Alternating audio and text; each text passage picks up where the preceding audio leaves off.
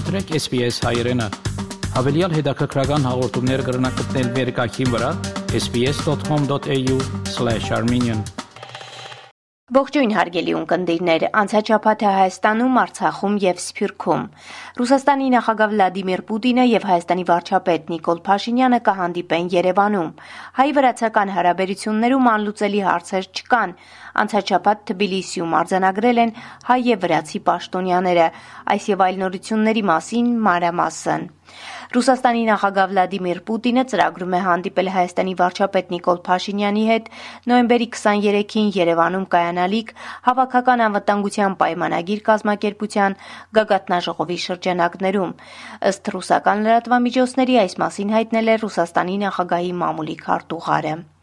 Ադրբեջանական զինուժը անցած շաբաթվա ընթացքում կրկին կրակ է բացել հայկական դիրքերի ուղությամբ հայկական կողմը կորուստներ չունի։ Հայաստանի վարչապետ Նիկոլ Փաշինյանը արձագանքել է Ալիևի հայտարարություններին, մեղադրելով Ադրբեջանի նախագահին պայմանավորվածությունները չպահելու մեջ։ Տխրահարճակ այդ ելույթով Ադրբեջանի ղեկավարությունը կոպտորեն խախտել է գրավոր պայմանավորվածությունը ուժի կիրառումից եւ ուժի կիրառման սպառնալիքից ձեռնպահ մնալու մասին։ Ալիևը զուգահեռներ անցկացնելով Լաչինի եւ այսպես կոչված Զանգեզուրի միջանցքի միջև ըստ Փաշինյանի հող է նախապատրաստում Արցախը Հայաստանի հետ կապող միակ Լաչինի միջանցքը փակելու համար։ Ադրբեջանի նախագահը փորձում է հիմքեր ստեղծել, մտածածին հիմքեր, Հայաստանի կողմից իբր իր պարտավորությունները չկատարելու պատրվակով Լաչինի միջանցքը փակելու, Լեռնային Ղարաբաղի հայությանը շրջափակելու եւ նրան ցեղասպանության ու հայրենազրկման ենթարկելու համար։ Փաշինյանը խոսել է վտանգների մասին, դրանով պայմանավորել Արցախում պաշտպանության բանակի անհրաժեշտությունը։ Լեռնային Ղարաբաղում Հայաստանի բանակ չկա, կա Լեռնային Ղարաբաղի պաշտպանության բանակ, որը թերևս լուրջ խոչընդոտ է ցեղասպան քաղաքականությունը կյանքի կոչելու համար։ Հայաստանի վարչապետը ավելի վաղ հայտարարել էր, որ հոկտեմբերի 31-ին Սոչիում Ալիևին առաջարկել է Լեռնային Ղարաբաղի շուրջ ստեղծել ապառազմականացված գոտի միջազգային երաշխիքներով, որի արդյունքում Լեռնային Ղարաբաղը պաշտպանության բանակ ունենալու կարիք չի ունենա։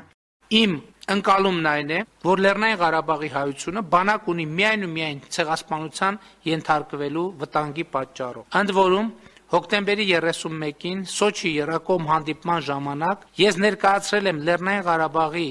իշխանությունները իշխանությունների առաջարկն այս թեմայով Լեռնային Ղարաբաղի շուրջ ստեղծել ապա ռազմականացված գոտի միջազգային երաշխիքներով, որի արդյունքում նման մասշտաբի պաշտպանության բանակ ունենալու կարիք Լեռնային Ղարաբաղը կարող է եւ չունի։ Այդ առաջարկը կարծում եմ շարունակում է մնալ ուժի մեջ։ Ապառազմականացման առաջարկ մենք արել ենք եւ անում ենք նաեւ Հայաստան-Ադրբեջան սահմանային գոտու մասով, առաջարկելով զորքերը յետ քաշել 1991 թվականին վերահաստատված սահմանից, սահմանի երկու կողմից ստեղծելով 3 կիլոմետրանոց ապառազմականացված գոտի։ Այդ առաջարկը շարունակում է մնալ ուժի մեջ եւ մենք նախորդին Ադրբեջանին ենք փոխանցել դրա նորացված տարբերակը։ Հայաստանի ազգային ժողովի նախագահ Ալեն Սիմոնյանի գլխավորած պատվիրակությունը անցած շաբաթ երկորյա պաշտոնական այցով Վրաստանում էր Երկու երկրներն էլ անցնում են post-սովետական ժամանակահատվածը շատ ծանր քաղաքական, թե ներքաղաքական ցնցումների միջով, որը որ մեծ հաշվով հասկանալի է, բայց հենց այն փորձը, այն պատմությունը, որը որ մենք ունենք, մեզ չի տարանջատում անկախ նրանից, թե ինչ քաղաքական հոսանքներ են գալիս մեր երկրներ եւ գնում։ Ոստի ես հավատում եմ մեր ընդհանուր համագործակցության ապագային, որ վերջի վերջո մեր արժեքային համակարգը, մեր պատկերացումը, մեր ժողովուրդները շատ-շատ նման են։ Հանդիպումներ ունեցավ Վրաստանի վարչապետ Իրակլի Ղարիբաշվիլիի, վրաց գործընկեր Շալվա Պապուաշվիլիի հետ։ Վերջինիս հետ մասնակցեց նաև հայ-վրացական դիվանագիտական հարաբերությունների հաստատման 30-ամյակին նվիրված միջոցառմանը։ Միանշանակ Հայաստանի եւ Վրաստանի միջև անլուծելի խնդիրներ չկան, ու ես վստահ եմ, որ չեն էլ կարող լինել։ Վրաստանի խորհրդարանի խոսնակ Շալվա Պապուաշվիլին եւս հաստատեց հայ-վրացական հարաբերություններում. Երբևէ չեն ցակել տհաճ հարցեր, որոնք անլուծելի են եւ կարող են բացասական հետք թողել հարաբերությունների վրա։ Պապուաշվիլին նշեց, որ Թբիլիսին շարունակում է պատրաստակամություն հայտնել Հայաստանի եւ Ադրբեջանի միջև խաղաղության հասնելու նպատակով։ Այսօր մեր տարածաշրջանում տեղի ունեցող զարգացումները վկայում են, հարավային Կովկասի խաղաղությունը դա Եվրոպայի խաղաղությունն է։ Մեր նպատակն է հասնել երկարաժամկետ խաղաղության մեր տարածաշրջանում, ուստի Թբիլիսին բոլոր առումներով պատրաստ է աջակցել հայ-ադրբեջանական երկխոսությանը տարածաշրջանում խաղաղություն հաստատելու։ Թբիլիսիի պատրաստակամությունը Հայաստանի ազգային ժողովի նախագահը դրական գնահատեց։ Կարող եմ ասել, որ Վրաստանը բազմիցս տարբեր նախաձեռնություններով է հանդես եկել, ինչպես նաև եղել է նախաձեռնություն, որը հաջողությամբ է ավարտվել, մասնավորապես մեր գերիների հետ կապված Վրաստանը իր մեծ դերն է ունեցել այդ գործընթացի մեջ եւ վստահ եմ, որ գալիք հնարավոր ֆորմատներ եւ գալիք հնարավոր նախաձեռնություններ նույնպես հաջողությամբ են ավարտվել։ Ավելացնելու բան ունեք կարևոր Վարչապետ Նիկոլ Փաշինյանը Թունիսի Հանրապետության Ջերբա քաղաքում մասնակցել է ֆրանկոֆոնիայի միջազգային կազմակերպության 18-րդ գագաթնաժողովին։ Հայաստանը վերջին 4 տարիներին նախագահում էր կազմակերպությունում, Հայաստանը ֆրանկոֆոնիայի նախագահությունը փոխանցեց Թունիսին։ Գագաթնաժողովին մասնակցել են Ֆրանսիայի նախագահ Էմանուել Մակրոնը, Կանադայի վարչապետ Ջասթին Թյուդոն եւ կազմակերպության անդամ մի քանի տասնյակ այլ պետությունների առաջնորդներ։ Գագաթնաժողովի շրջանակներում վարչապետը հանդիպումներ է ունեցել Կանադայի վարչապետի եւ Ֆրանսիայի նախագահի հետ։ Արցախ Ադրբեջանը շարունակում է թիրախավորել Արցախի խաղաղ բնակիչներին։ Ադրբեջանցիները կրակել են նաև խաղաղապահների ներկայությամբ գյուղատնտեսական աշխատանք իրականացնող գյուղացիների ուղությամբ։ Զոհեր բարեբախտաբար չկան։ Փացանքսանդե երկու կուլուխ շորուն տուա։ Իրեք ինջինը շորտալես մին տկոնա եկա։ Կուլուխ սպիսում կալալ։ Աբարատի պիլիս տամ իրես սեռնից։ Յոգորտը պատպերիզին փռնալա։ Ասկերանի շրջանի վարչակազմի ղեկավար Համլետ Ապրեսյանի խոսքով Եթե աշանացանի սերմերը չցանեն, ապա հետո ուշ կլինի եւ դառնում է, որ մենք կորցնում ենք եւս մեկ տարի բերքահավաքի հետ կապը։ Հիմնական մտահոգությունը հենց այդ է, որ գյուղացին կորցնում է իր եկամուտը բայց մնացած առումներով գյուղացիների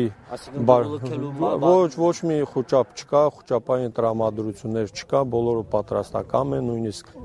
ավելին Որևէ տարբերակ Արցախի կամ Հայաստանի համար բարենպաստ չէ, ասել է Արցախի պաշտպանության բանակի նախկին հրամանատար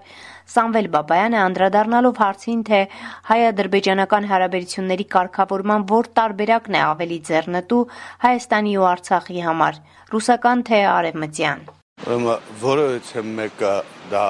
Արցախի կամ Հայաստանի համար բարենպաստ չի, սա մեկ, երկրորդը Ադրբեջանը ինքը չի ընդունում ոչ մեկը։ Այսինքն դուք խոսում եք մի բանից, որը ոչ մեկը ցանկություններ չունի քննարկելու։ Ինչ մասին է խոսում։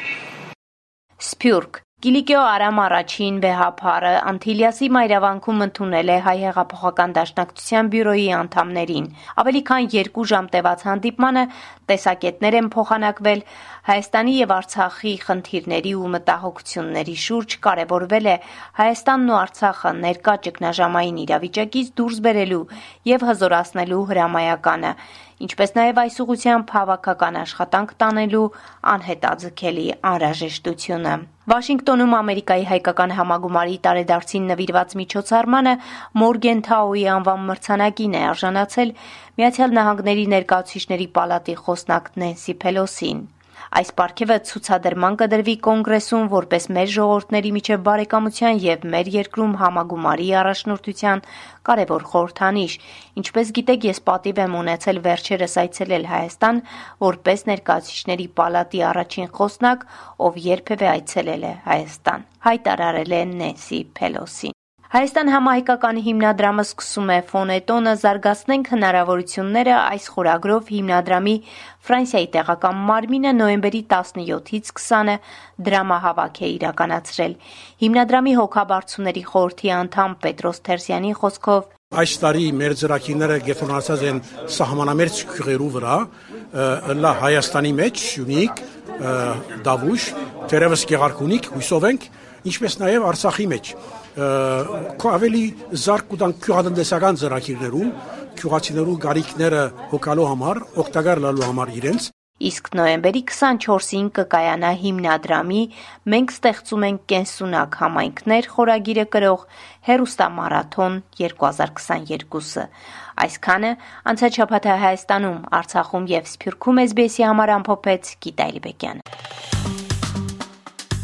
Հավնե, լայք, բաժնեկցե, դարձիկը թայտնե, հետեւե SBS հայրենին թիմադեդի վրա։